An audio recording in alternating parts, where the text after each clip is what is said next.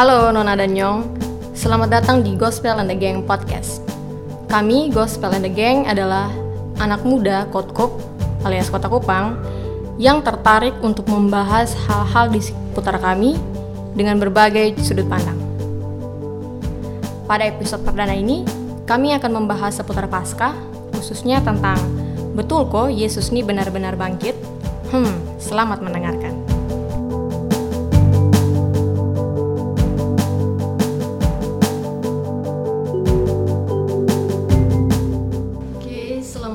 Datang di podcast baru Gospel and the Gang.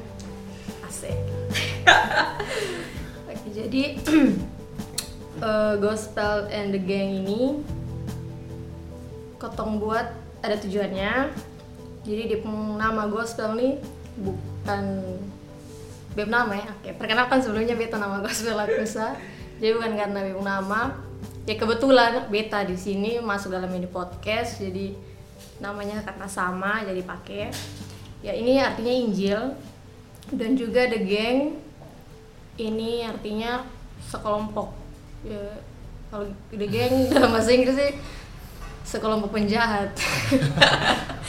Hanya di sini maksudnya eh, jadi dalam ini podcast Ketong mau bahas tentang eh, hal-hal yang ada dalam kehidupan yang terjadi dalam kehidupan eh, tapi secara khusus di Kupang atau di NTT. Oke, jadi ketong pakai bahasa Kupang saya. Oke, jadi Ketong pakai bahasa Kupang. Oke, nanti kalau misalnya ada yang ketong khusus bahas yang se-Indonesia atau Ya, nanti di kalau se-dunia ketong pakai bahasa Inggris nanti. Oh, it's bisa. Anak jaksel ada. Under sabu juga. Mone juga ada. Jadi kalau maki-maki pakai bahasa Abus. ya? Oh iya, seperti sang kentara. Lawan baca. Oke. Jadi di sini ketong akan bahas hal-hal tersebut eh, dari dua perspektif. Itu yang pertama tuh dari tentang Injil, eh, dari perspektif Injil, gospel, dan terus yang kedua dari the gang yaitu mewakili dunia. Itu.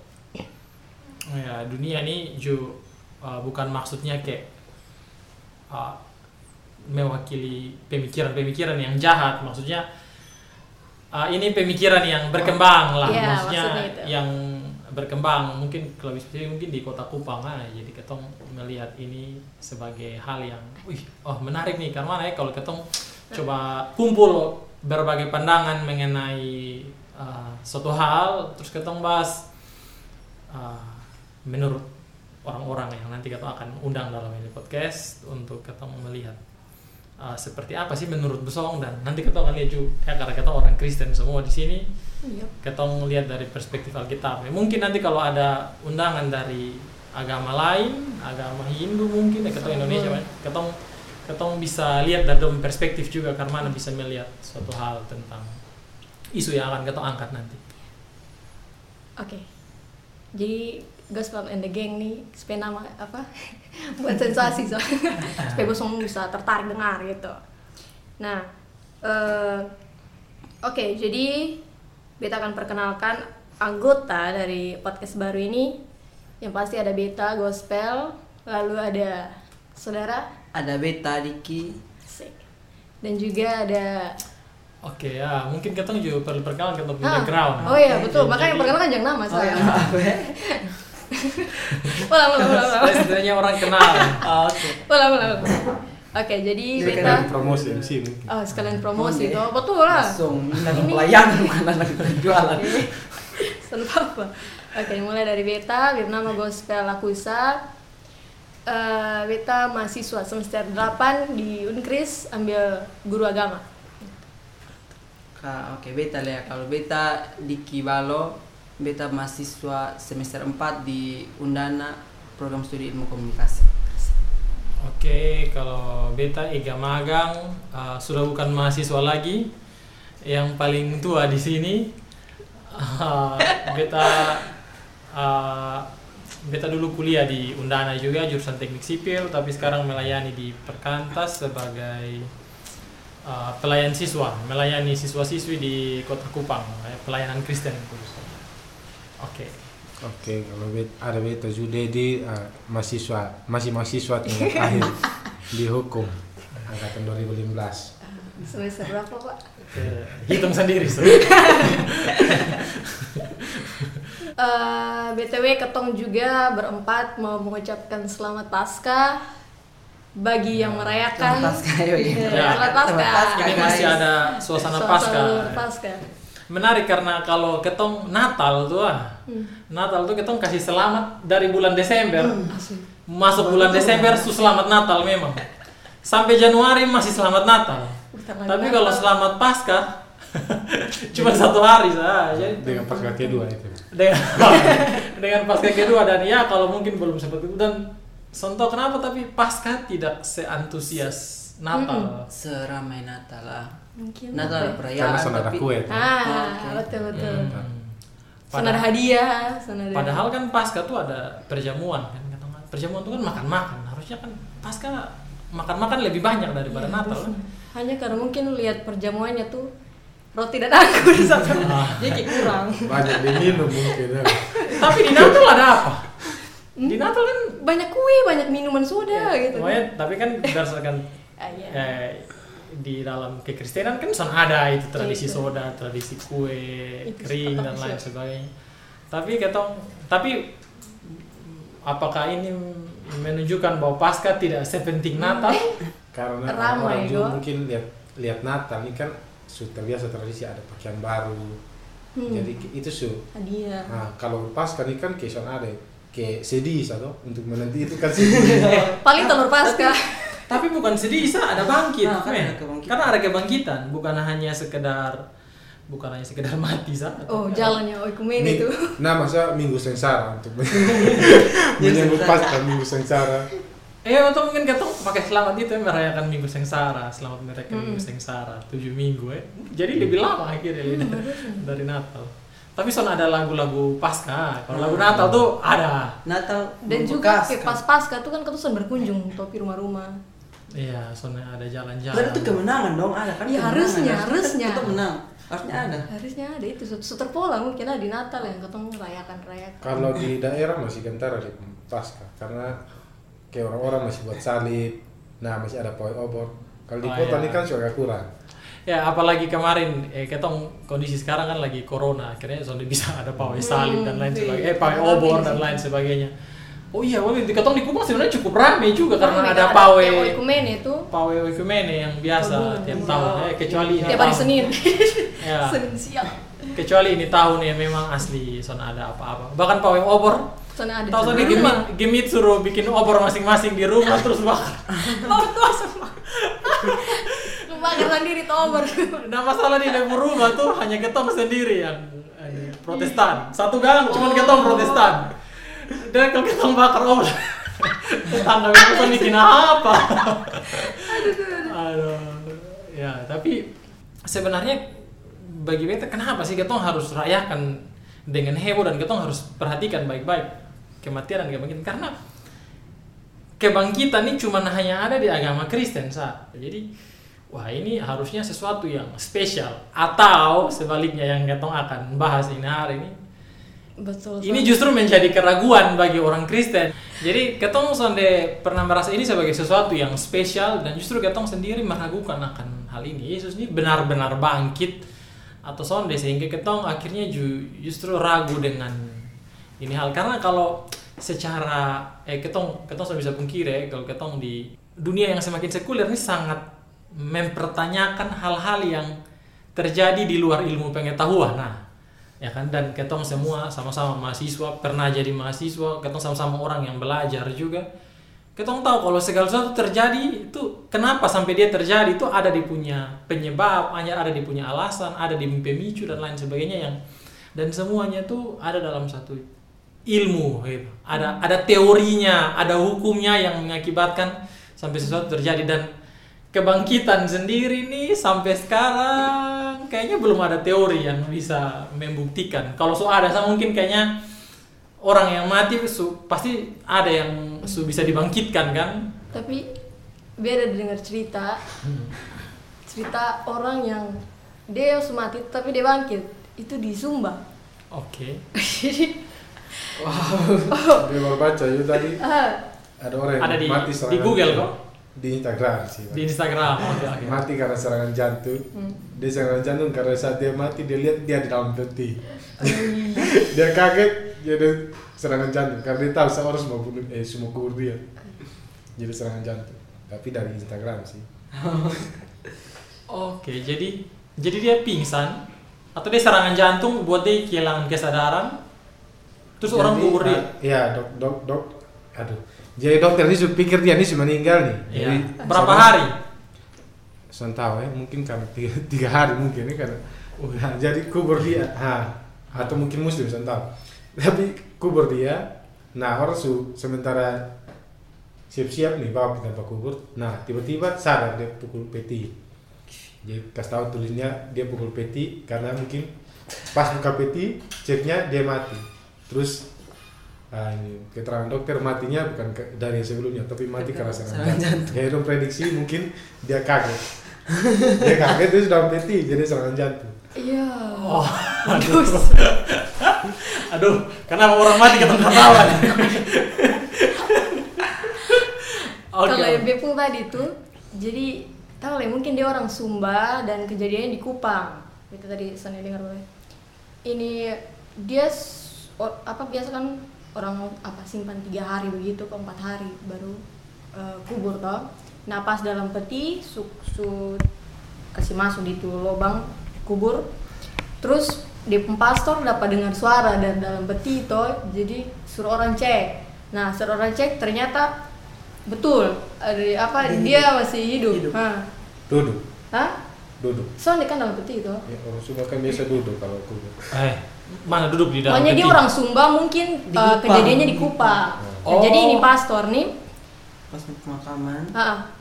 jadi punya su dia hidup toh pastornya, terus bawa dia gimana untuk cek dia lihat terus ini apa dia ini betulan hidup kesannya.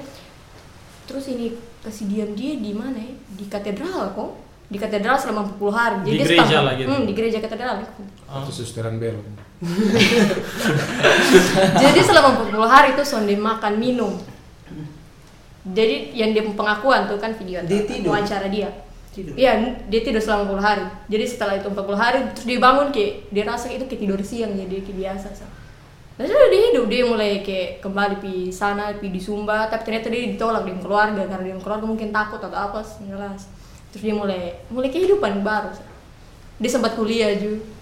Dia tahun 2009, 2005 atau 2009 ya. Dia nama siapa tuh? Oh. Kayaknya- Dia pun nama Markus, Ah. tapi pas itu kisah ya kan dia pun Emi tanya toh pas wawancara tanya bilang itu selama tiga hari sel- selama lu mati itu lu buat apa sa dia bilang dia pun roh tuh pi di suatu apa ya, taman begitulah jadi ketemu deh Taman Ede. pokoknya pi di taman ada orang eh, dengan Tiga hari atau 40 hari? tiga hari yang, sebelum yang pas dia mati tuh Hmm.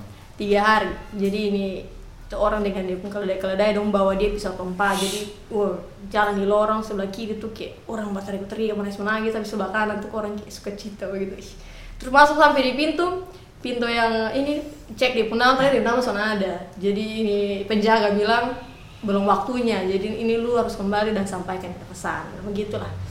Nah Sampaikan pesan apa? pesan-pesan kalau Sumpah pesan apa Dia ya? Bangkit. sampaikan pesan Pesan oh, pesan kalau dia tuh ada di, di Dia- tempat pokoknya cerita lah kayak dia pun kejadian. Kesaksian. Ah, jadi dia murid-murid. jadi di, terus di situ ini disuruh rubah dia nama. Nama dari ini Markus ubah jadi Aris. Kenapa kau Oh, jadi- sekarang dia bernama Aris. Aris. Karena itu yang Markus tuh kan mati toh Wah. Kenapa susah nih berubah jadi harus kuliah di nama mana dia dunia bukan Alkitab itu? oh. nanti tanya lagi sama dia pokoknya dia pokoknya dia cerita begitu besok tahu sekarang masih hidup atau soalnya tapi itu Tapi dia belum bangkit, ya. dia belum mati lagi dan Dia belum mati lagi. Son tahu Oh, itu belum, belum terangkat, belum terangkat. Belum terangkat. ya pokoknya itu cerita maksudnya kayak "Ih, Oh, Ya. ya. Wih, kalau dia misalnya dia di Kupang mungkin kita bisa ajak dia. Nah itu. sampai ada yang wawancara nah ke sana di YouTube nah. Oh, eh. ah makanya beta lihat. Coba kita cari di YouTube, cuma mungkin Hmm, kita bisa kita kontak. share. Nah, eh, itu Bang Aris. nanti gospel kontak itu supaya Hmm. ketemu Siapa tahu kita bisa itu gokil tuh semua tanya-tanya dengan dia kan tentang dia punya pengalaman. Mati tiga hari ya. iya. Itu deh Sabar dodong sun- suntik formalin kan? Suntik. Nah karena itu tuh yang dia main sakit-sakit selama pas dia hidup kembali tuh. Dia mulai sakit-sakit terus makan di operasi tuh 8 kali gara-gara apa kok pokoknya operasi karena itu barang mungkin kok dia kan tunjuk dia punya apa Dia operasi kehidupan 40 hari di katedral bangun tidur bangun tidur. Soalnya mungkin dia tidur 40 hari makali kok Tidur. tahu le Berarti baru tiga kali tuh. Jadi nih di Sumba dia "Wih, ternyata ada Ma, eh dia orang Sumba tapi Orang dia di Iya, Kupang. orang Di Sumba. Mungkin, iya, karena bilang kasih diam di katedral, jadi mungkin kejadiannya di Kupang. Oh, eh, kalau kita cari di YouTube itu dia punya Ada, kunci apa ya bilang tulis Tulis ah, orang bangkit gitu. orang orang mati bangkit nanti muncul Kupang pertama dia. di NTT begitu. Pas saya tulis di Kupang muncul dia pertama. Oh begitu. berarti viral ya. Oh, makanya orang. beta juga baru lihat, wih ternyata. Tapi yang menarik tuh kita son tahu dia nanti mati lego soalnya. Ah. Ah, ini nih. Kalau kalau kasusnya betul. kasusnya Yesus kan dia mati, dia bangkit, tapi uh, dia, dia lah. soalnya mati lah. ya. Iya, Kalau kan mati itu kan kalau cerita gitu kan sama kayak cerita Lazarus kan di Alkitab. Kalau ya dia dibangkitkan terus tapi nanti dia Tapi mati dia lah mati. ya.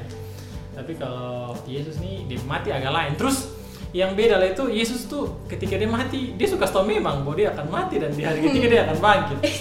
ya kan? Kalau Om Markus kok Om Aris ini kita tahu Ah, dia pernah Om ngomong. Markus. Justru dia sendiri mungkin dia kaget. Pernah oh mungkin dia suruh jangan suntik formalin ya. Iya betul betul. Oh iya betul. Itu. Betul. eh. Iya.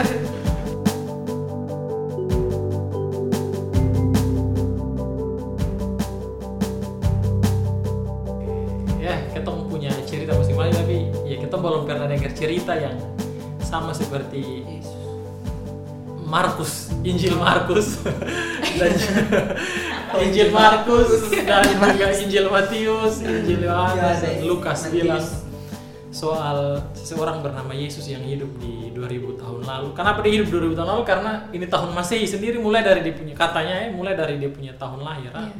Dan beda dengan Ju, ternyata yang kalau tentang ini ya, Nah. ini tahun masih ini ternyata yang buat nih, ini orang nih dia salah hitung, Oke. Iya. Jadi salah hitung. Harusnya kan patokan Yesus lahir toh. ya Padahal sebenarnya Yesus lahir tuh enam tahun sebelum Masehi. Oh. Iya. oke. Karena misalnya kalau Yesus lahir nol tahun Hmm. yang ke nol tuh, Herodes su meninggal. Herodes meninggal tuh kan empat tahun. Oh, Herodes yang ingin membunuh bayi Yesus nih. Iya. Hmm. Nah, harusnya kan pas Herodes ada tuh di zaman tuh kan dia mau bunuh bayi bayi Yesus. atau ya anak-anak umur 2 tahun toh. Oh, Nah, jadi kayak aneh sih. Oh, jadi Ya ada ada kesalahan Nah, jadi kesalahan perhitungan. Perhitungan. Oh, jadi Yesus lahir sebenarnya tahun min 6. Ya, gitu. Jadi harusnya sekarang nih tahun 2014, bukan 2010. iya oh toh? iya, karena mau Betul hitung toh, mau hitung dari kelahiran Yesus. sudah kakak jam bikin kacau lagi. Corona bikin kacau. Corona sudah bikin kacau dari 2020, kakak jam bikin kacau. Ya kita ikut sana. Pak. Oke, jadi 2000, 2000 tahun lalu ada orang bernama Yesus yang umur 30-an, jadi mungkin 2030-an lah ya atau ada dia hidup dan dia mati, ceritanya cukup terkenal dan kalau saya salah yang yang tulis tentang Yesus mati ini bukan hanya Injil saja, ada ada sejarawan Romawi dan sejarawan Yahudi waktu itu yang tulis juga tentang kematian Yesus ini. Ada Tacitus dan siapa beta lupa Yosefus. Ah, Flavius. Ya, Yosefus itu kayaknya dia orang Yahudi juga yang jadi Yang orang kan Roma. percaya Nah, Yesus toh. dong mana ada Ya, percaya? doa yang bunuh. Iya kan. Dan dia juga menulis tentang benar ada kejadian ini. Gitu, bahwa Yesus tuh mati dan Yesus tuh bangkit. Tapi eh, masa soalnya ada ke- kemungkinan begitu? Apakah mayat Yesus nih? Ya maksudnya dia betul-betul bangkit. Kemungkinan maksudnya. Maksudnya soalnya ada kemungkinan kok kalau mayat Yesus ini dicuri ternyata. Atau mungkin murid-muridnya halusinasi atau ya apalah begitu. Kayak kan aneh banyak kebangkitan nih sesuatu yang sangat sangat mungkin Ya, soalnya mungkin dan terus tiba-tiba ada- ada. Apakah soalnya ada kemungkinan Yesus itu sebenarnya dicuri atau apalah? Hmm, pokoknya coba beta penasaran nih kayak bos Diki atau Dedi gospel Waktu kecil bosong dengar cerita tentang Yesus bangkit tuh apa yang bosong rasakan? Pokoknya cerita sekolah minggu di gereja atau maksudnya yang ketemu apa? Ketemu percaya percaya sama gitu atau malah kalau sebagai anak-anak dulu kayak senang lah ada apa kisah-kisah heroik begitu ya apa dia kayak pokoknya aneh begitu pasti ketemu senang tapi sekarang nih baru ketemu "Eh, betul gue sebut kayak tiba-tiba ragu karena kebangkitan secara medis belum bisa dibuktikan sampai saat ini kan. Udah tahu kawan-kawan yang dokter, yang perawat, pekerja medis dong pernah mengalami hal yang sama Ke- kejadian Yesus atau kejadian Markus dan atau Aris tadi tuh. Kemarin. Tapi ini sesuatu yang ketong pikir sama masuk akal. Sehingga gospel bilang tadi, mungkin sonde dia punya mayat tuh dicuri atau apa lagi kemungkinan lain kalau dia tuh sangat mungkin sangat mungkin. Karena bisa kemungkinan Iya. dicuri Hah, ya, maksudnya ya kayak- kalau dari tadi kalau dari waktu kecil mendengar sih oke itu kayaknya cerita yang menarik cuma makin makin ke sini makin ke sini sonde sangat sangat sonde apa sonde mungkin dibangkitkan karena orang Dia masuk akal, Nah, oh, masuk atau- akal karena medis sekarang dunia berkembang makin canggih makin canggih. Terus dong sudah temukan berbagai alat ta alat alat. Terus dong sampai dong ini apa? Apa dong nih? Dong sudah bisa bi- bikin bayi ada kan bayi tabung. Itu sudah ada deh. Kalau di medis kan sudah ada bayi tabung. Terus ini apa apa dia bilang nih? Oh. untuk Yesus ini nama kebangkitan. Nah dia bangkit. Dia bangkit kan? Itu satu hal yang sonde mungkin dan itu masuk ak sonde apa? Sonde masuk akal kalau dia bangkit. Karena memang sonde ada sonde ada sesuatu. Dia, kalau ketong ber, di, berbicara di luar firman ya kalau dia di luar firman dari sebelumnya dia kasih tahu ya bisa saja di, bisa saja dia dicuri begitu. Karena pada waktu itu kan dia orang yang yang apa ya? Yang yang yang terkenal dia dibunuh bisa saja orang dia mayat bisa dijadikan sesuatu begitu. Toh makanya bisa bisa saja dicuri. Bisa saja kan dia bisa bangkit. Dan dia berani bilang kalau bisa saja Yesus bohong dia murid-murid kalau dia akan bangkit yang dia yang dia kata-kata tuh. Aduh ketemu kayak sumule bisa saja dia bisa saja dia bohong dia murid-murid kalau dia bangkit kan? Maksudnya kan dong kan percaya toh. Percaya kalau dong kan percaya Tuhan nih percaya Yesus nih. Jadi Hmm. apa pun yang Yesus om pasti dong akan percaya begitu. Jadi Hmm. bisa saja dia kata-kata yang dia akan bangkit itu bisa jadi satu satu kebohongan.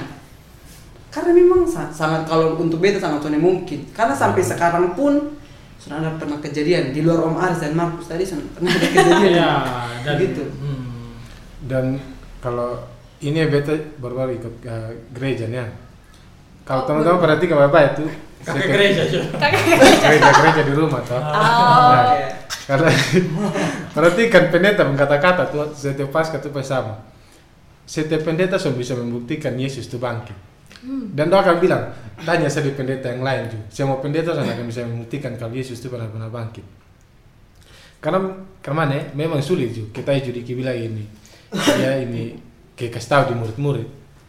Kalau beta jadi Yesus murid itu saya bejo jadinya harus percaya harus dan bukan ke Iya, kata ikut dia nih terpaksa so bisa ikut setengah-setengah toh. Nah orang ini sudah tanda ke keton. Nah misalnya ke Petrus yang saat dia menyangkal Yesus, orang salah sudah tanda dia, "Hi, lu ya ikut dia toh."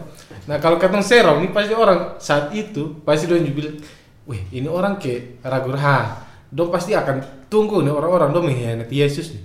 Jadi terpaksa, "Oh Yesus om apa nak? Eh, be ikut sasu." Jadi Yesus bilang bangkit, oh beta juga percaya sasu. Kalau beta begitu. daripada malu seumur hidup ah Hmm. daripada namanya dicatat di Alkitab kalau dia ngaku Yesus bangkit kan Eh, tapi tapi ya daripada dicatat di Alkitab kalau Yesus itu dia sendiri son percaya, tapi per- nyatanya semua murid-murid itu son percaya. akhirnya son percaya iya sih Kalau kita Iya, iya. baca kesaksian Injil, makanya cerita di Injil tuh so- semua murid pun son percaya Yesus bangkit. terus ada kan yang pilihat dulu siapa Iya. Thomas kalau satu sahabat. Pertama Maria. Maria Magdalena. Maria Magdalena soalnya kan muridnya muridnya Ah. muridnya kami perempuan berat Thomas pas apa lari itu pilihan Petrus Petrus. Petrus Thomas kalau sekolah tinggi sama lulus Ini itu dipotong saya bikin terlalu bodoh di situ soalnya ada yang dipotong. tahu sama fakta Oke, oke, lanjut lanjut. ah itu ya sih tapi kan dicatat oh ya catat buruk untuk tidak untuk keburukan maksudnya. Ya, jadi uh, bukan jadi bukannya para murid nih percaya akan waktu awal ya, awal Yesus bangkit tuh bukannya dong percaya tapi dong justru son percaya karena si Thomas kan sampai bilang, eh beta son percaya sampai beta lihat langsung. Sampai beta kasih masuk tangan di dalam lubang yang luka itu baru beta percaya gitu. Nah itu juga sampai ini gue pikir menarik juga karena kalau betul-betul dong dalam kondisi dong percaya, Hmm. dong percaya nih, weh, dong kalau keluar dong akan, orang dong akan judge, dong ini bilang, eh lu nih ya ikut Yesus nih, malu ikut Yesus. Kalau menurut beta mungkin pasti ada kemungkinan dong berbohong juga, kalau Yesus nih bangkit. Oke. Jadi berbohong karena menurut dong kalau dong hidup dengan keadaan seperti ini, oh berarti dong keluar juga ke hidup dalam penjara. Jadi lebih lebih beta bilang bela bela Tuhan bilang Yesus ini bangkit. Karena itu akan mendukung dong perjalanan hidup juga. Nah, justru sebaliknya bang, maksudnya, oke, beta jadi di sisi yang mencoba membela para murid ya. Karena justru kalau dia dibilang dong malu, tapi kalau kita cerita baca kesaksian di Alkitab, ya, apa yang ditulis di Alkitab, justru murid-murid mengaku Yesus bangkit dan percaya, justru dong dikejar-kejar dan dong dibunuh, Iya kan? Justru dong percaya kebangkitan itu akhirnya buat dong menderita, bukan buat dong dapat ketenaran, bukan dong terhindar dari malu, justru membuat dong tambah malu. Makanya Paulus bilang bagi orang Yunani kemat- kematian dan kebangkitan itu eh, salib itu sebagai hal yang memalukan, tapi bagi ketong itu hal yang. Jadi sonde ada keuntungan apa-apa kalau dong mengaku Yesus tuh mati dan bangkit. Gitu. Justru dong dapat kejar-kejaran, dapat aniaya leh. Sampai Paulus kan sebelum dia didatangi oleh penglihatan Yesus kan dia masih mengejar orang Kristen untuk membunuh. Jadi kalau mau bilang dong rekayasa ju ketong kalau rekayasa sesuatu tuh untuk dapat keuntungan. Soalnya pernah ketong rekayasa sesuatu untuk dapat rugi. Ya kan? Logikanya begitu. Siapa yang rekayasa su- supaya dia rugi gitu? Semua rekayasa untuk dapat hal yang menguntungkan dia. kan. Tapi murid-murid mana mungkin merekayasakan ini hal kalau itu membuat dia rugi. Membuat dong rugi. Bukan dia, tapi dong satu kelompok orang yang begitu banyak tuh. Pengikut Yesus. Kalau mungkin ya pada itu saat yang paling menguntungkan adalah mengaku Yesus tuh bangkit. Saat saat ada bergumul saat kematian Yesus tuh. Hmm, maksudnya kan gini setelah kayak itu Aha. baru dong menceritakan Yesus baru dong tahu oh ternyata kalau cerita Yesus dong dikejar juga. Dong karena kejar. Aha. sebenarnya Ah. yang penjaga Roma, penjaga Romawi dong yang jaga Yesus mengkubur tuh, sebenarnya dong saksi tuh. Iya sih. Nah jadi maksud kayak kalau Sony mengaku Yesus bangkit tuh sebenarnya dong kayak tadi kan dia bilang karena bilang kayak kalau dong Son mengakui Dong itu. waktu itu Waktu belum itu mungkin keadaan paling waktu menguntungkan itu untuk dong. menguntungkan tuh harus mengaku ya, ah. ya supaya kayak nyambung dengan yang Tuhan bilang kan bangkit Ah, toh. hmm. Nah oh ya. menurut beta sebenarnya ini apa pihak yang berlawanan dengan murid-murid ini sebenarnya tahu juga Yesus tuh bangkit. Hanya dong kayak sonde mau apa ya sonde mau mengakui itu sah jadi kayak seakan-akan mengajak murid kayak eh pasti lu bohong ah karena lu bilang Yesus tuh bangkit gitu Pokoknya mana dia bukti mana dia bukti tapi sebenarnya dong tahu itu tuh betul Iya. Nah, Iya bisa kan kayak- dong kan dong kan kayak penjaganya, dong kan penjaga pasti Nah. dong Kalau tahu. dong pikir Iya. paling kemu- Ah. apa yang paling menguntungkan adalah menyangkal, masih begitu. ya Menguntungkan ini penjaga, toh? ya iya betul Nah, masalah Nah. berikut adalah kubur kosong. Dong temukan kubur kosong. Kalau misalnya Yesus sonde, Yesus tuh sonde mati dan sonde bangkit, terus dia dia mayat di mana? nah, Itu nih masalah. Masalah kubur kosong. Makanya kan setiap kali ketemu pasti ketemu kan kubur telah kosong. Itu aja yang jadi serangan kalau orang apa Yahudi ateis dia bilang tuh Ah. kosong karena memang murid-murid sepakat untuk Mencuri. Mencuri. Nah, itu ada juga di Alkitab di Iya. Matius dong para imam-imam. Para imam-imam dan kepala tua agama Yahudi bersepakat untuk membangun kebohongan bahwa Yesus mayat Yesus telah dicuri. Cuman yang pertama dong kalau mau curi dong harus kasih kalah itu prajurit yang jaga kubur. Nah ini para murid siapa yang bisa lawan penjaga Romawi? Terus kalau curi, kalau ketemu baca tata Injil, biasa salah ingat ya. Itu kain kapan tuh dapat terlipat. Nah, pokoknya sudah dilipat ya bagian kepala atau bagian kaki. Itu pancuri macam apa coba yang dia masih sempat lipat itu kain. Dan kain kapannya tuh Gulung, gulung, kayak kayak mumi begitu. Nah. Eh buka itu barang lama. Iya sih. Dan kenapa harus kasih tinggal kain Ju? Iya dan Maksudnya mau dan pikul. dan kita pikir untuk apa juga dong curi mayat? Mau bikin apa itu mayat? Eh kan supaya Yesus punya ini kan tergenapi toh. Ah. Eh, kan bisa aja Tapi di di Injil kasih tau dong son percaya kalau Yesus akan bangkit. Justru ketika Yesus menampakkan diri dong son percaya.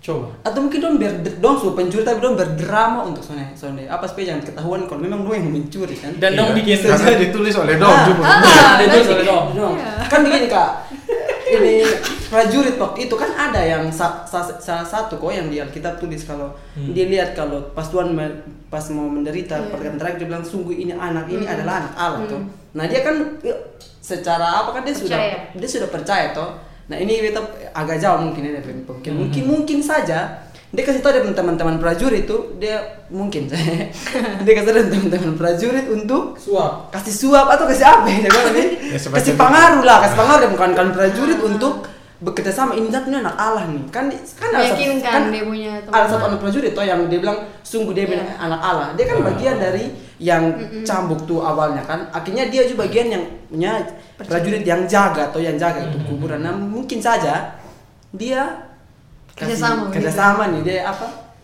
Iya kan mungkin. Dia kan sudah percaya Allah nih. Dan mungkin mayat. Yesus Kau tuh sudah tahu kejadian dia ada berbicara nih murid-murid soalnya soal tahu. Nah itu pertanyaannya untuk apa dong curi ini mayat le kalau misalnya. Kalaupun dong bisa mencuri ya.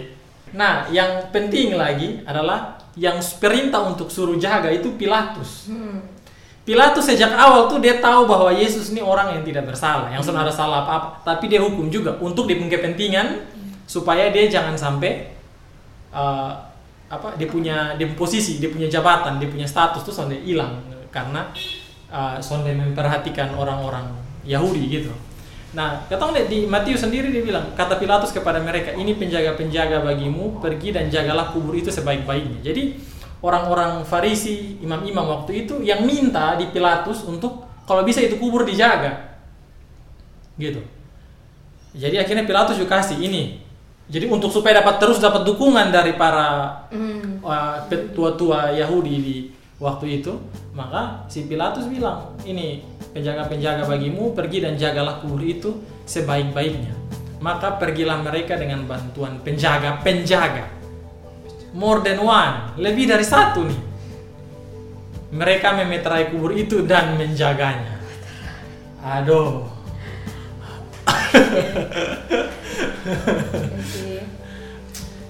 Dan itu itu itu sangat masuk akal di bagi beta kalau murid-murid bisa melawan itu para penjaga karena itu penjaga jawa ju- jaga dengan dong punya nyawa juga karena ini perintah dari atasan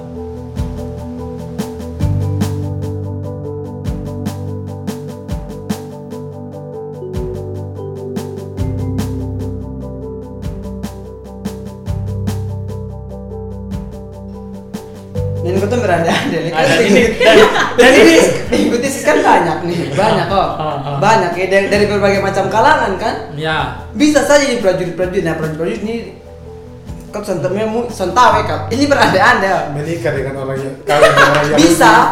Esther misalnya contoh. Bisa terus dong gaji ini berapa? Boleh dapat uang ini banyak, boleh dapat uang banyak, udah berapa begitu? Ini kan Inggris ini banyak nih dari berbagai kalangan. Bisa dong bayar, dong sogok ini ini apa nih mayat Yesus nih sogok untuk Hmm. kasih keluar untuk mayat kasih keluar ini Yesus supaya itu Iya. dia bilang kebangkitan itu betul betul ada ya dan kembali le beta tanya apa untungnya dong untungnya dong untungnya orang waktu itu dapat mayat tuh untuk apa supaya itu Ini juga awal masalah sup- prajurit dong kan awalnya sudah tahu Ah. kalau Yesus bangkit itu akan Ah. menjadi satu bumerang untuk dong toh. Ah, ah. sudah tahu toh oke Hmm. sudah tahu tapi Ah. Ya, jadi orang bilang, oh kosong mau Harus- kasih uang hanya untuk main ambil saja. Ah, harus curi, lu curi sal. Emnya kau tuh harus curi supaya ini yang kata Yesus dia akan bangkit tuh tergenapi. Nah, Oke. nyatanya Berarti ternyata ternyata bangkit. Nah, akhirnya jadi bumerang untuk dong Ju. Oke. Gitu sih kalau. Oke, sekarang sudah katakanlah, katakanlah ini dong curi mayat dan Nah. untuk menipu supaya Yesus bangkit, nah dan jadi bumerang. Terus kenapa eh, eh, kalau misalnya mayatnya ada di dong nih, ah. Terus kenapa tiba-tiba Yesus menampakkan diri di dong dan dong kaget? Yesus menampakkan diri ya. Yesus menampakkan diri Iya, 40 iya. hari dan bukan kepada Selama 12 murid, lima- 500-an orang. Nah itu tuh pengikut Yesus tuh, maka Ah. itu yang kata ragukan. Ah, itu kan Itu dan kan ini ingat sekali lagi Yesus. bahwa Alkitab itu soal pengikut Yesus ya. Iya, iya. kita Betul. pura-pura dong sandiwara. Soalnya satu itu masih ada orang juga yang asli Yahudi ya sampai sekarang malahan tuh. Ah. Kalau asli Yahudi yang sudah mengaku mengakui bahwa Yesus itu ini. Nah, berarti ada kemu berarti satu-satunya ketong selalu mungkin mengandai-andai bahwa uh, para prajurit Romawi itu bersekongkol dan mencuri mayat Yesus. Nah, tapi ketong punya yang dari bahasa ketong diskusi, bahasa mungkin kemungkinan adalah para murid memodifikasi Injil atau Iya, sengaja Hmm. sengaja tipu banyak orang pakai Injil. Yang dong tulis kan Ya. itu. Karena menarik juga kalau lihat Yesus menampakkan diri di murid-murid dan di pengikut. Nah, Coba dia menampakkan diri ke semua. Di semua harus Nah, orang percaya dan kemudian Waktu untuk 40 hari itu cukup banyak tuh untuk keliling satu. Nah, Hmm. atau dia nampakkan diri ke Pilatus ya, misalnya. Nah, itu sudah cukup meyakinkan orang pada saat itu karena Roma memerintah semua toh. Eh, tapi atau menampakkan diri di orang-orang Kaisar yang Roma dong. memilih orang yang cabut kayaknya dia. Justru ini nih yang menampakkan diri Kenapa harus foto ini yang menimbulkan Karena spekulasi. kalau menampakkan diri dia murid ya oke jelas lah begitu. Pun kalau sudah menampakkan diri karena dulu pengikut, dong pasti akan percaya percaya saja awalnya mungkin. Hmm, hmm. Kenapa lu sudah menampakkan Tuhan sudah menampakkan diri di Oh, iya, berat. lu bilang lu eh lu beta lapor ke ketua Kenapa sudah menampakkan diri Ini orang-orang yang bertentangan dengan dia karena kalau itu punya kemungkinan murid-murid pada akhirnya juga akan berbalik pi dia.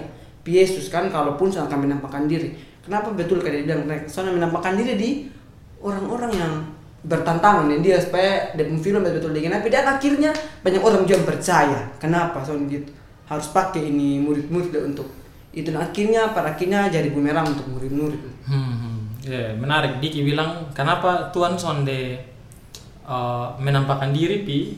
Kalau misalnya catatan Injil benar ya, kenapa dia sonde menampakkan diri kayak di Pilatus? Kalau dia- Ya, itu itu itu itu pertanyaan menarik juga dan bisa jadi karena alasan dia bangkit bukan untuk meyakinkan dong untuk tapi memang tujuan dia bangkit untuk meneguhkan para murid itu itu itu nantilah mungkin ketong bahas di belakang tapi ketong kembali le kalau misalnya ini direkayasa Bosong pernah nonton film itu sonde apa Case for Christ The Case for Christ Lee Strobel di buku ada juga The Case for Christ itu pun ada di buku tapi Filmnya ada, kan?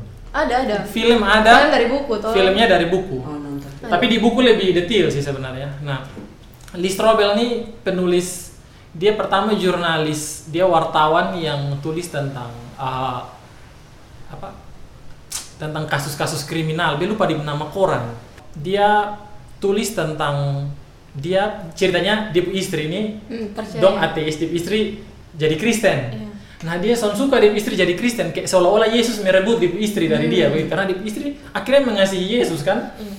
Jadi akhirnya Sering-sering ke gereja. dia ingin membuktikan PD. Jadi dia bilang, oh kalau gitu karena untuk menghancurkan kekristenan, dia buktikan dengan bahwa Yesus itu sampai Yesus tuh omong kosong sampai pernah ada di sejarah begitu.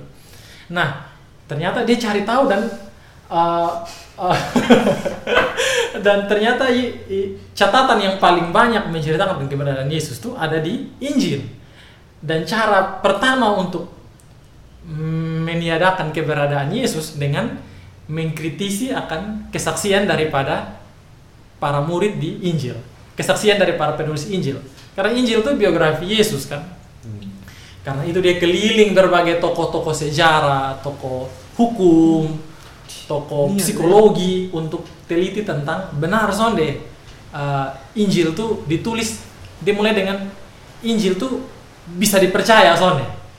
Nah dia orang hukum juga, nah, sama dia. Nah ada satu beta lupa di tapi ada satu yang bikin beta yakin bahwa Injil itu benar-benar ditulis oleh ditulis dengan benar ya, sonde dikarang-karang oleh Murid-murid. para, para murid. Nah, itu karena dia bilang begini, uh, dalam uh, di pengadilan kalau orang memberi saksi ya, men- menyatakan saksi itu, maka biasanya ada kalau satu ada peristiwa, maka dia punya kesaksian tuh sonde boleh lebih dari sih boleh hanya satu orang nah, Iya. kumpul beberapa orang pun cerita terus uh, dong pun cerita justru boleh sama. Kalau sama persis persis tuh itu akan mencurigakan. Dia punya kronologis juga kalau sama. Karena masing-masing perspektif orang punya cara melihat satu kasus suatu insiden dengan cara yang berbeda-beda. Gitu. Jadi uh, dia bilang dan Injil itu ditulis dengan perspektif yang berbeda. Dong sama-sama saksi keberadaan Kristus tapi tulis ditulis dengan cara yang Beda. berbeda dan itu salah satu faktor yang membuat dia percaya ya, ateis. Dia percaya bahwa oh Injil tuh bisa di, bisa dipercaya. Karena dia punya keterangan saksinya tuh sonde dia bukan masuk dalam kategori cerita yang dibuat-buat. Begitu. Karena kesucian beda-beda. kesaksiannya beda tapi menuju pada hal yang sama. Begitu. Dengan karena masing-masing orang cara lihatnya berbeda masih ada banyak lain ya teman-teman mungkin bisa nonton itu film atau baca itu buku. Tapi ada satu le yang ketong perlu ingat juga kalau tadi bosan bilang kenapa dia menampakkan diri di orang-orang yang jadi musuh? Ternyata sudah Rasul Paulus. Oh iya. Kenapa kamu bisa lupa? Tapi Rasul Paulus orang Farisi men. Oh, iya. dan dia sedang memburu orang Kristen dan membunuh. Dan oke oke lah kalau ketong bilang eh kan dia punya kesaksiannya dari Paulus cu soal hayalan. ah bisa jadi itu hayalan halusinasi oke halusinasi tapi Atau apa boleh tutup yang dibuat saja Sony kalau itu kayak Ah, Santai, guys. Paulus tuh baru Schizophrenia.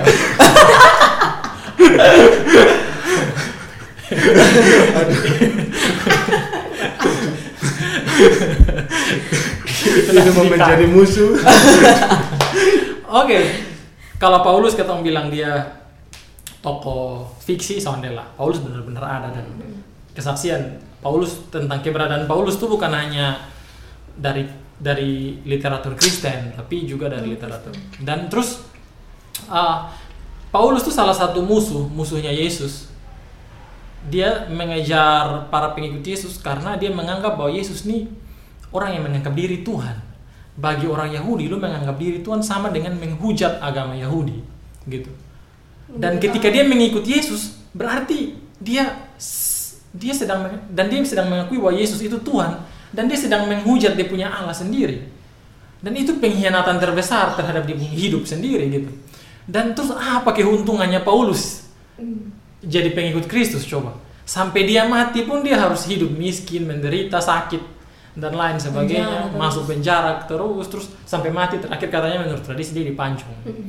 Dipotong kepala demi sesuatu yang bohong. Demi sesuatu kebohongan. Surat Paulus itu ditulis lebih dulu dari Injil. Jadi Paulus andai berdasarkan kesaksian Injil dia belajar tentang Yesus. Tapi dia menyaksikan sendiri dan dia datang sendiri di Petrus dan dia tanya baik-baik. Tanya semua cerita dan satu le, Yesus pun saudara, Yesus pun adik. Yakobus tuh. Dan dia sampai jadi kepala jemaat juga waktu itu ketika dan ya kalaupun ya kalaupun dong membohongi cerita ini maka kita soalnya yakin kekristenan bisa tahan ribuan tahun. Karena itu butuh kebohongan yang begitu luar biasa. Dan ada banyak ajaran-ajaran seperti Injil-Injil palsu. Ah yang dikatakan Injil palsu Injil Thomas dan lain sebagainya. Injil-Injil Yudas yang dikatakan itu bukan Ya. ceritanya ya tidak dapat dipercaya dan lain-lain dan akhirnya memang itu dengan sendirinya Hilang.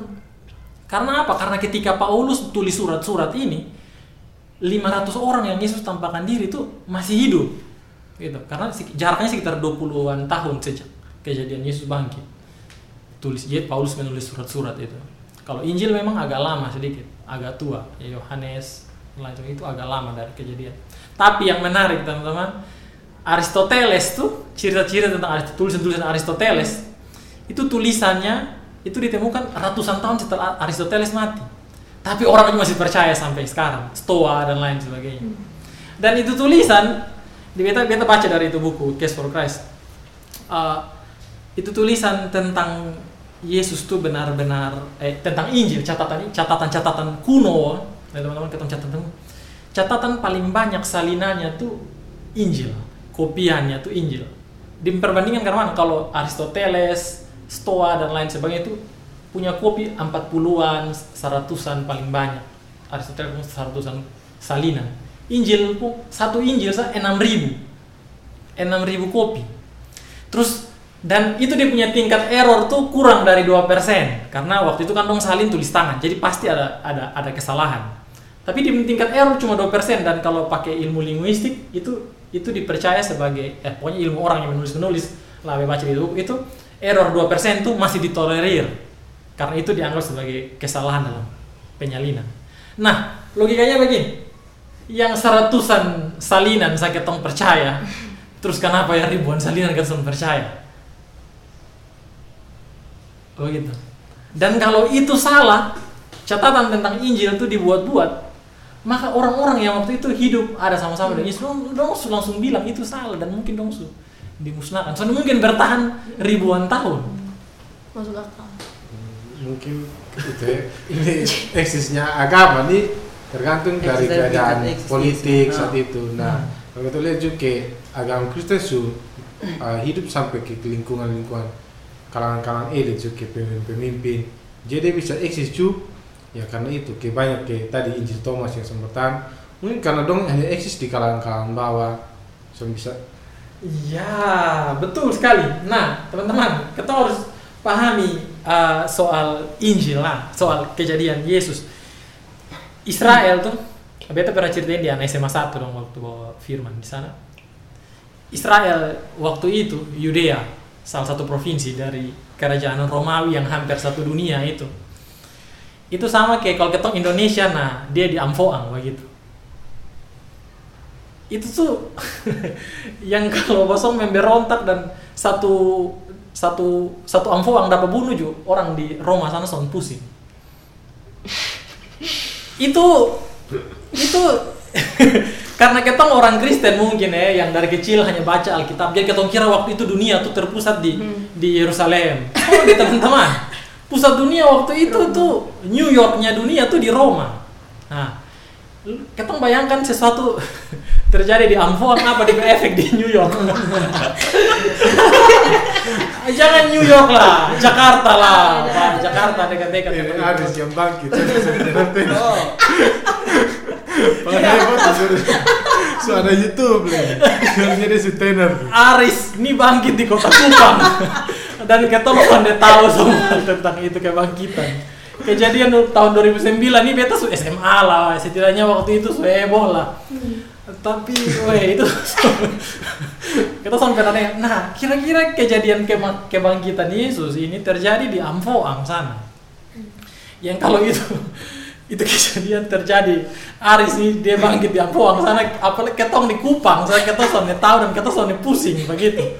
Dan uh, Petrus dan para murid waktu itu tuh di Ampoang sana dong bukan kepala suku dong ini petani biasa eh bukan orang pintar juga yang sekolah di Kupang sini dong orang-orang biasa begitu dan itu agama bisa sampai di Jakarta, bisa sampai di New York. Harusnya kita bertanya, wih, kalau ini omong kosong, karena ini omong kosong bisa sampai di ibu kota sana?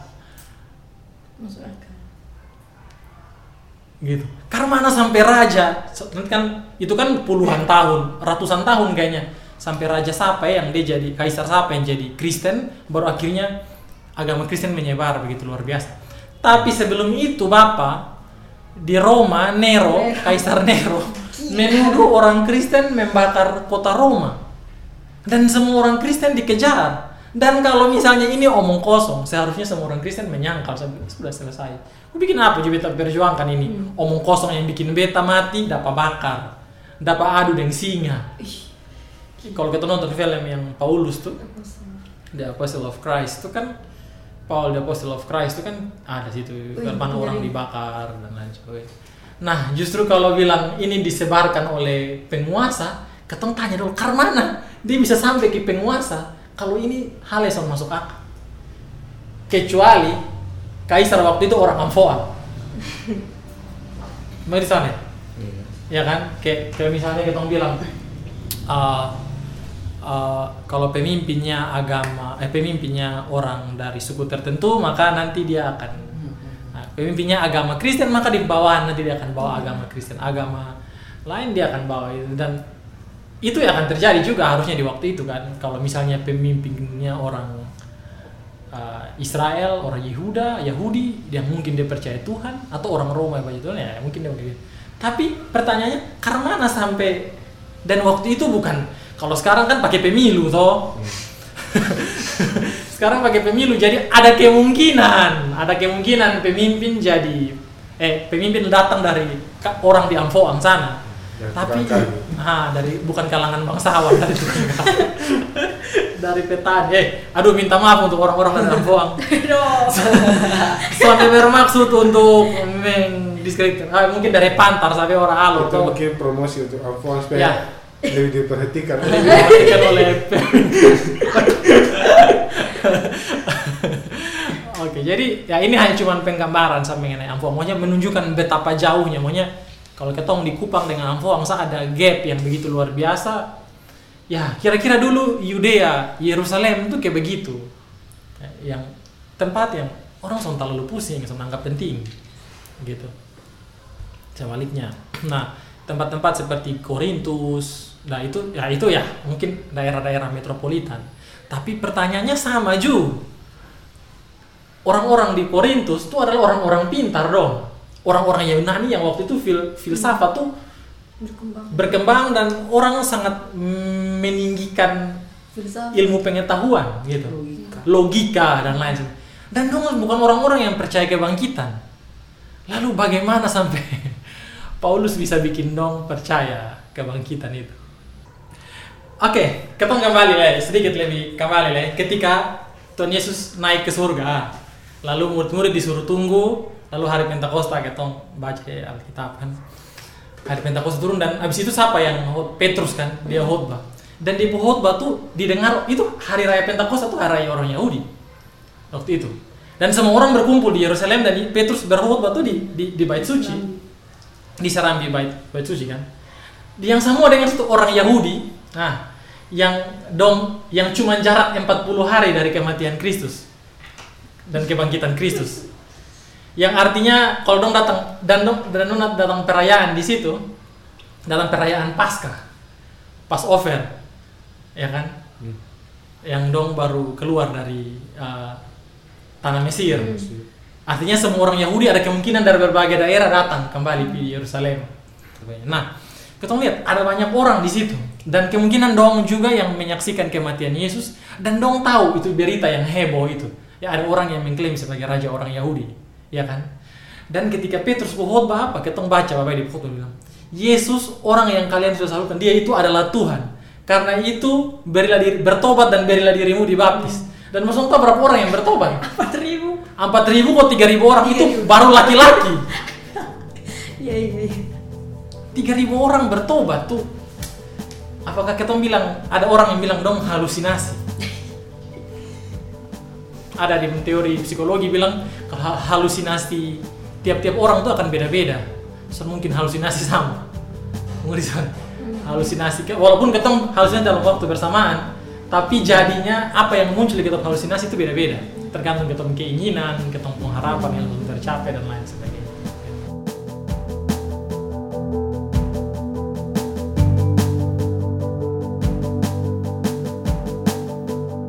Ada satu tokoh menarik di Alkitab di Injil Lukas tuh. Lukas itu bukan murid Yesus. Dia bukan dia tulis biografi Yesus tapi dia bukan murid Yesus, bukan salah satu dari ke-12 murid. Dia rekan kerjanya Paulus. Artinya kemungkinan dia bertobat karena Paulus. Gitu ah. Dan dia tulis Injil tentang biografi tentang Yesus dia bilang di Injil di Lukas tuh dia bilang begini banyak orang telah berusaha menyusun suatu berita tentang peristiwa-peristiwa yang telah terjadi di antara kita seperti yang disampaikan kepada kita oleh mereka yang dari semula adalah saksi mata dan pelayan firman. Karena itu setelah aku menyelidiki segala peristiwa itu dengan seksama dari asal mulanya aku mengambil keputusan untuk membukukannya dengan teratur bagimu supaya engkau dapat mengetahui bahwa segala sesuatu yang diajarkan kepadamu sungguh benar Jadi Lukas ini dibayar oleh seseorang yang namanya Theophilus yang mulia untuk menulis akan biografi Yesus ini. Nah, perlu ketong ingat juga waktu itu orang menulis tuh itu itu hal yang luar biasa. Tulisan waktu itu ya. Untuk dapat papirus itu salinan-salinan kertas untuk tulis tuh itu hanya orang mahal yang bisa beli untuk biaya perjalanan untuk menyelidiki itu hanya orang kaya yang bisa bisa adakan untuk menulis itu. Jadi si Lukas ini dibayar mahal oleh si Theophilus untuk menyelidiki ini. Ini proyek besar, kira-kira seperti itu. Mungkin menulis tuh beta pernah uh, cerita di adik-adik dong kalau ya. mungkin waktu itu tulisan tuh sama kayak sekarang orang temukan software baru. Nah, kira-kira dia punya penemuan tuh seperti itu. Ini sesuatu yang baru dan orang kasih habis uang banyak-banyak. Dan Lukas tahu yang dia pertaruhkan dia punya nyawa juga. Karena dia tulis untuk Theophilus Agung ini seorang pembesar Romawi waktu itu. Dia mungkin gubernur atau apalah gitu. Dan dia, dia penasaran. Dia pernah dengar Yesus dari mana gitu. Dan dia ingin cari tahu kenapa orang begitu tergila-gila mengikuti dengan Yesus mengikuti Yesus ini. Dan akhirnya si Lukas jalankan sebuah riset. Dia tanya di saksi mata orang-orang yang dengar orang-orang yang di sekitar Yesus yang hidup dengan Yesus dan kemungkinan Maria juga ibu Yesus masih ada dan dia kumpul semua cerita dan dia rangkaikan dengan baik untuk menggambarkan siapa itu Yesus. Dan kalau kita lihat le ada lebih yang aneh, lebih aneh le itu Lukas ini adalah dokter. Dia tabib juga. Dan dia tulis tentang kebangkitan Iya. Jadi kalau dari murid-murid dong latar Iya. belakangnya soalnya terlalu ya bukan orang pintar tapi Lukas ini orang pintar. Jadi Injil waktu itu tuh karya sastra yang Asli.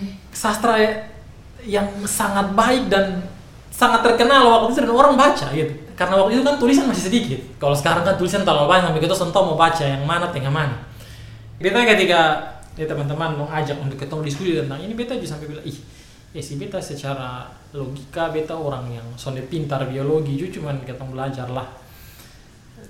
Dan ketong hidup di dunia yang zaman sekarang ya cerita-cerita kayak apa? Om Markus begitu ketong jarang Aris, dengar.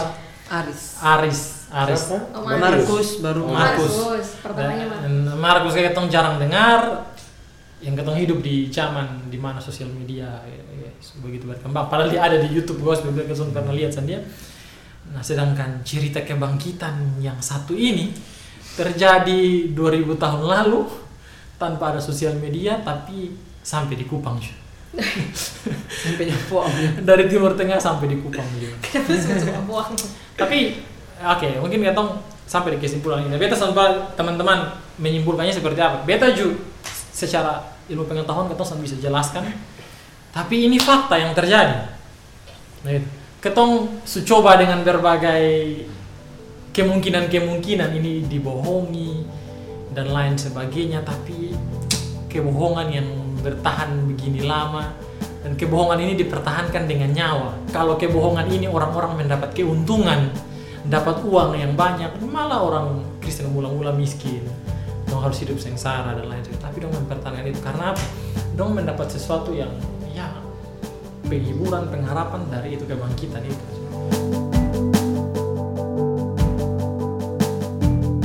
Jadi mungkin Oke. lebih gampang membuktikan kalau Yesus itu bangkit dibanding membuktikan menjelaskan karena dia bangkit. Menjelaskan karena prosesnya dia bangkit. Itu agak sulit.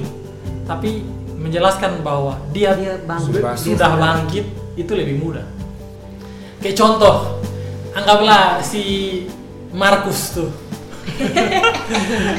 Kakak Aris. Siapa yang bisa jelaskan secara biologis? Tiba-tiba dia ketok peti. ya atau yang kayak dia dibilang tadi ada orang ketok peti dari dalam. Siapa yang bisa jelaskan secara biologis?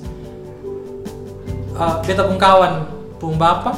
Dia punya jantung sempat berhenti berapa detik lah 15 detik begitu itu sa dokter bingung kok bisa dan dia hidup kembali itu sa dokter bingung Untung formalin cari susah. Gak ada memang itu saat. Ah, tua muslim jadi sama formal. itu tuh beb mama semua nangis, semua nangis, semua nangis. Eh tiba-tiba aku bangun deh. Saya belum bisa dijelaskan Ya itu itu ketong sudah bisa jelaskan, tapi itu terjadi. Beta pun kawan pun mama saksi mata, beb kawan bapak sampai sekarang ketong. mau ya percaya Ya lu mau soalnya mau lu percaya itu kejadian sudah terjadi. Kalau lu percaya ya lu gila sendiri. susah sendiri Aduh ini siapa bu anjing. makhluk ya di Kupang Ya teman-teman, uh, kita juga sedang kumpul uang untuk bikin studio. bantu ya Jadi kalau teman-teman. Yang serius ini nomor HP. Eh, Langsung aja. ya langsung aja kalau teman-teman ingin bantu kita. Ya jadi ini fakta. Fakta terjadi sama seperti cerita Beb kawan bapak yang sempat mati berapa detik terus hidup lagi yang dokter sendiri bisa jelaskan tapi itu terjadi Uh, dan beta percaya beta pernah tanya beb kawan-kawan dokter dong punya banyak cerita di mana dong bisa jelaskan secara medis itu karman sampai itu bisa terjadi tapi itu, itu terjadi ya kalau ketemu sampai percaya mujizat ya, ya kan Oh, kalau mau ngomong mujizat ini nanti kita bisa episode berikutnya. Oke, mujizat tunggu tuh, ya. mujizat tuh bisa betul betul terjadi di dunia nyata atau Son. Ya, salah satunya mungkin mujizat kebangkitan ini. Dan kalau ketong menganggap ketong pun diri beragama dan ketong tahu ada Tuhan, ketong percaya bahwa ada Tuhan, maka ketong percaya ada satu makhluk yang bisa melakukan sesuatu di luar ketong pun akal, gitu. Dan itulah yang dia lakukan dan itulah yang menunjukkan bahwa dia Tuhan kan. Hmm, sampai ke tuh sama paham misalnya. Sampai ketong son paham sama sekali Karena cuman dia yang paham. karena dia yang paham.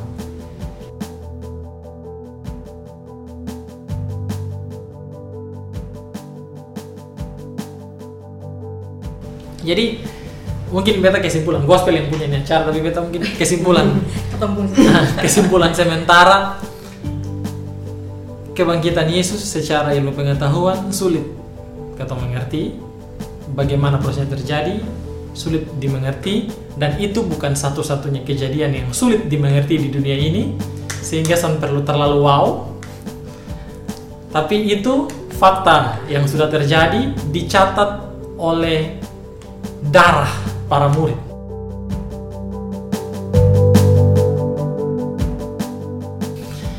Dan yang bisa menjadi refleksi bagi ketong lah kira-kira ya apa dia punya dampak ketika ketong percaya itu kebangkitan? Ya secara pribadi ketong masing-masing mungkin bisa curhat tapi nanti akan sangat panjang. Dan kita yakin nanti orang-orang yang dengar ini pun bisa merasakan tapi kalau belum mengalami silakan alami sendiri. Bagaimana teman-teman kalau mau percaya itu kebangkitan dan mau memberi teman-teman punya hidup apa ya dikendalikan oleh itu kuasa kebangkitan teman-teman akan melihat banyak banyak hal yang akan bisa dikerjakan oleh itu kuasa kebangkitan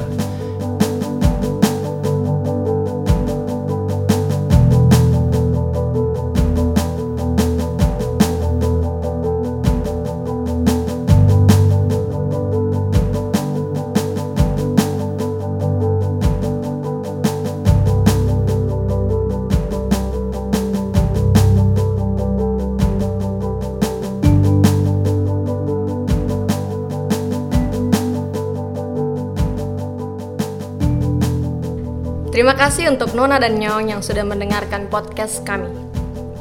Kami juga ingin mengucapkan terima kasih untuk Kaucup yang telah menyediakan tempat bagi kami untuk merekam podcast kami.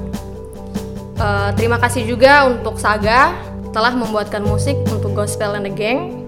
Bagi teman-teman yang ingin melihat karya-karya Saga, bisa teman-teman lihat di Bandcamp dan juga teman-teman yang ingin membeli album dari Saga, teman-teman bisa menghubungi Saga lewat akun IG-nya, nama juga Saga, atau juga bisa lewat kami.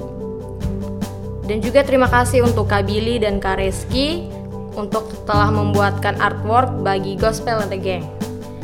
Teman-teman yang ingin melihat karya-karya mereka bisa lihat di akun IG mereka at Billy Banamtuan dan juga at Reski Lovina. Yang ingin dibuatkan karya musik dan juga artwork bisa kontak mereka lewat eh, Instagram ataupun lewat kami. Teman-teman juga bisa memfollow akun IG kami namanya Gospel and the Gang untuk mendapatkan info-info terbaru tentang podcast kami. Podcast kami akan diupload setiap hari Sabtu. Oleh karena itu, Nona dan Nyong, sampai jumpa Sabtu depan.